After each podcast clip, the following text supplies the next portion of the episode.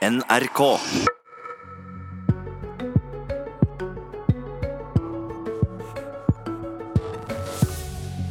I morgen er det ett år siden blå side i KrF vann. I dag sier Knut Arild Hareide han er ferdig i rikspolitikken. Knut Arild Hareide, tidligere leder i KrF, nå stortingsrepresentant. Hvorfor tar du ikke attvalg til Stortinget? Det er fordi jeg opplever det både rett for KrF eh, og for meg. Det henger så naturlig nok sammen med det valget vi gjorde høsten 2018. Eh, og jeg ønsker ikke nå å bidra til spekulasjoner om omkamp. Nå har vi gjort et retningsvalg. Det må vi akseptere, òg vi som var skuffa over det valget. Eh, og er det en gang sånn, Hvis jeg hadde nå signalisert det motsatte, så ville lett det blitt tolka som et ønske om noe annet fram mot valget i 2021. Eh, jeg har vært partileder i KrF. Jeg er utrolig glad og føler meg privilegert over det jeg har fått gjort i politikken og det KrF har, har gitt meg. Men partileder i KrF er en tittel som oftest har kun én gang, eh, og det har jeg hatt gleden av. Og nå er min tid i rikspolitikken forbi.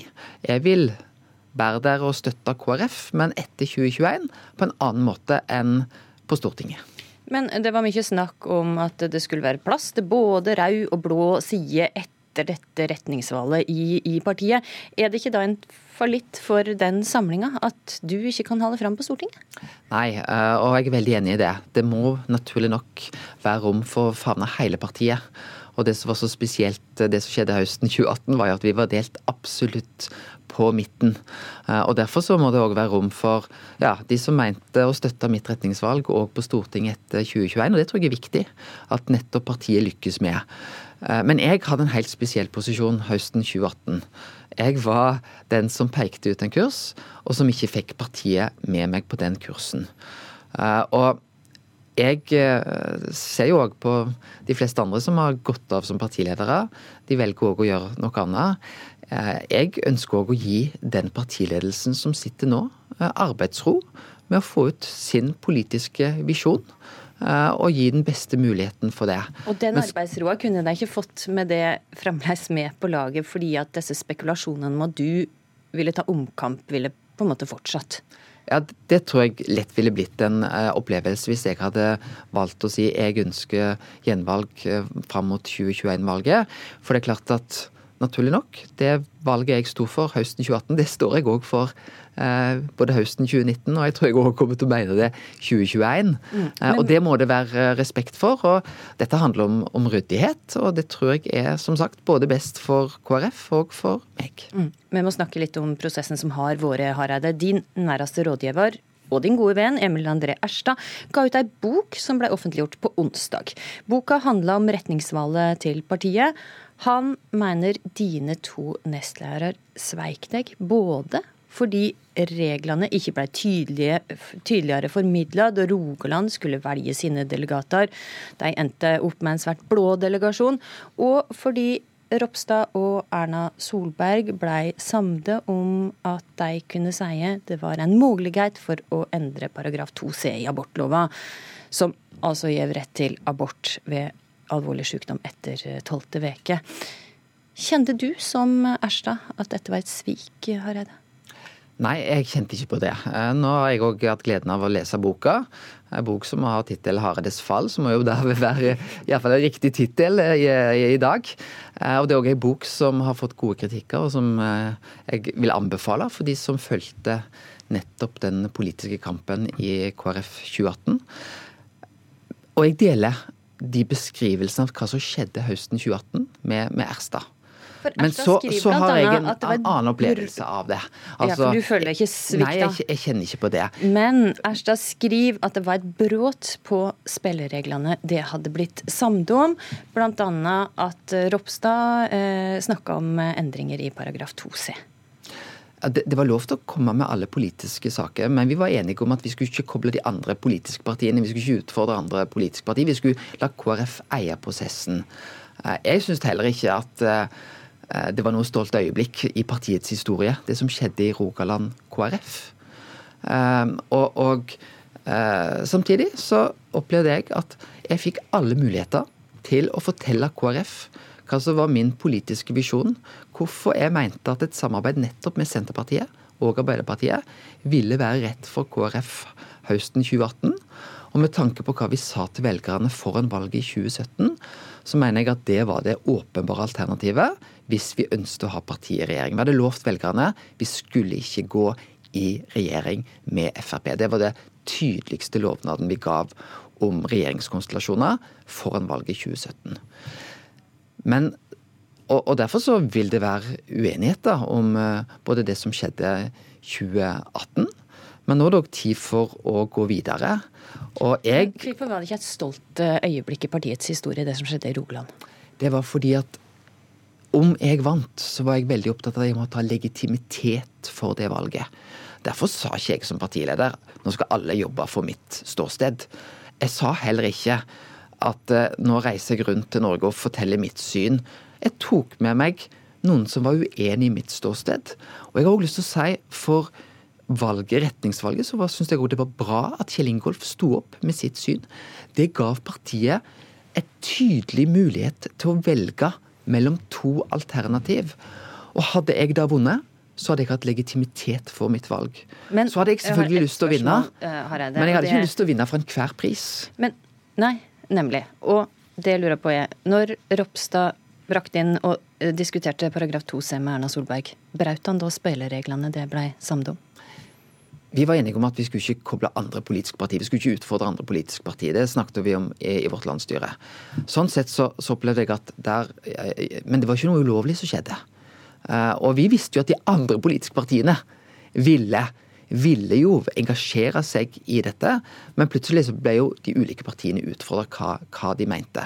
Og jeg var ikke enig i det utspillet knytta til, til, abort. Det sa jeg òg til Kjell Ingolf, men jeg kjenner ikke på det som et svik. Han gjorde det han kunne for okay, å, å, å, vinne. Men, men, det var et brudd på spillereglene som Eller hva, mener du det var et brudd på spillereglene det hadde blitt samdom? Jeg opplevde at eh, det var ikke i tråd med det vi hadde snakket om. Eh, og det sa jeg òg til Kjell Ingolf. Men samtidig så var dette òg, og vi visste jo det alle sammen, eh, det ble ingen søndagsskole når vi skulle gjøre det retningsvalget. Det visste vi alle sammen. Jeg la en plan, og en strategi, for at jeg skulle vinne.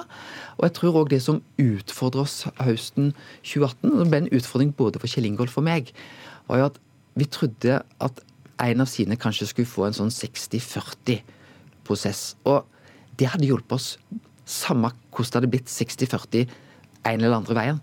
Og så ble det 50-50.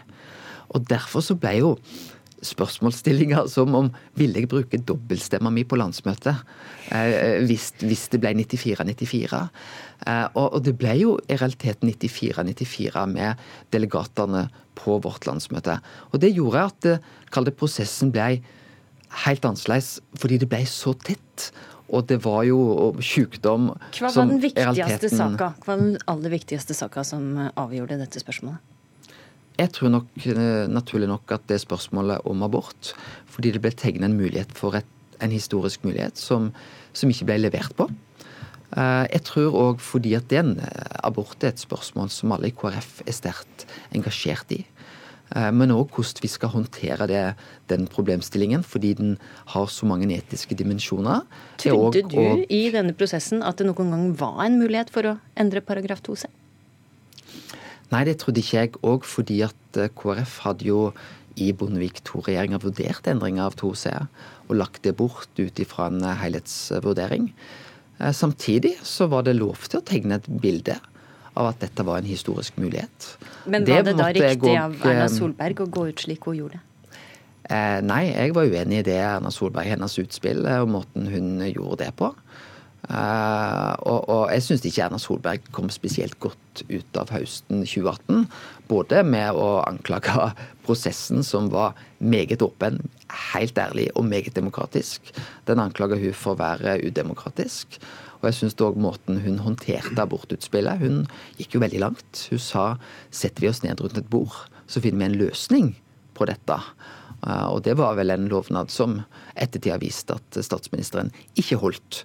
Eh, men valget er tatt. Eh, vi må leve med det. Og det lever jeg godt med. Og Ja, jeg har ikke vært partileder de siste åtte månedene, og jeg savner ikke så veldig meg sjøl. Men jeg kjenner på et veldig privilegium i det jeg har fått vært med på. Og jeg har også satt viktige verdibudskap på agendaen. Det er Uh, noen som har hevda at du ikke var tøff nok i prosessen med retningsvalget, men uh, få anklaga deg for å ikke være tøff nok i uh, diskusjonene med Frp i de tid som partileder. Vi skal høre et par klipp fra tidligere sendinger. Eh, Knut Arild Hareide, hør på dette. Du har begått en stor feil. Du har prøvd å beklage. Og mitt tydelige budskap til deg er at nå er det nok, Per Sandberg. Nå bør du roe deg ned og komme med en tydelig og helhetlig beklagelse, men faktisk å stå fast på substansen, det skuffer meg dypt.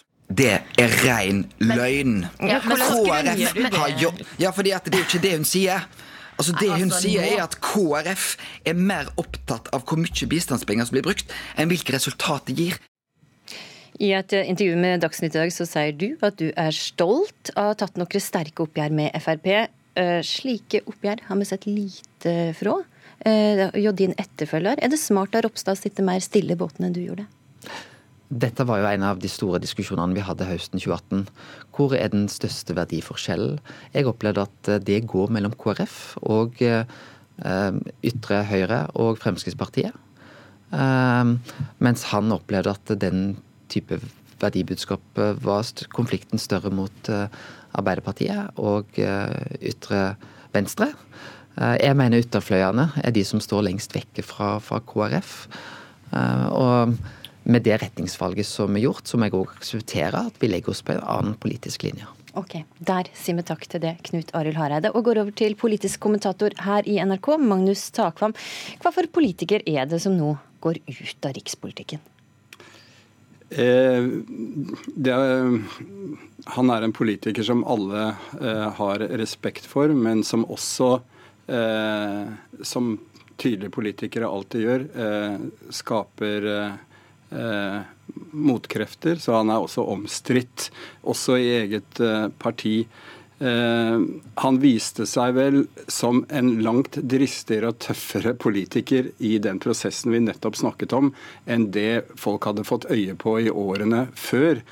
Og eh, svaret på det du spør om, er vel at vi vet ikke helt hva slags politisk leder eh, Knut Arild Hareide eh, er, fordi han ikke fikk gjennomført sitt prosjekt og sin visjon for, for retningsvalget til KrF i, i en annen retning enn det, det som da skjedde ved, etter landsmøtet i 2.11. Nå hører vi Hareide i hvert fall gå et stykke i å si at uh, abortsaka blei spilt eh, inn i denne prosessen på en feil måte. Hva er ditt resonnement rundt det?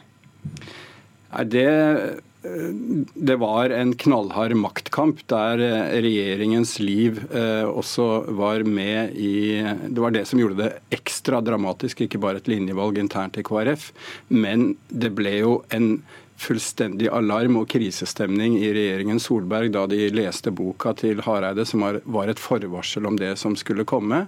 Og jeg, jeg personlig, uten at dette på noen måte kan dokumenteres, selvfølgelig, eh, er enig i at eh, abortsaken var det som vippet, vippet flertallet. Og det skapte jo også eh, konflikt både internt i Høyre, der mange, eh, mange var helt uenige i dette utspillet.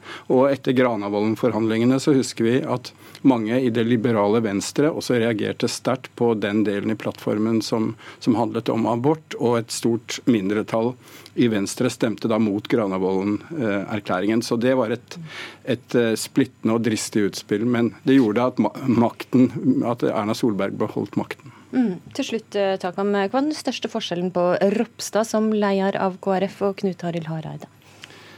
Ropstad er mer en eh, saksorientert, pragmatisk politiker som er opptatt av å få eh, skal vi si, eh, resultater gjennom kompromisser.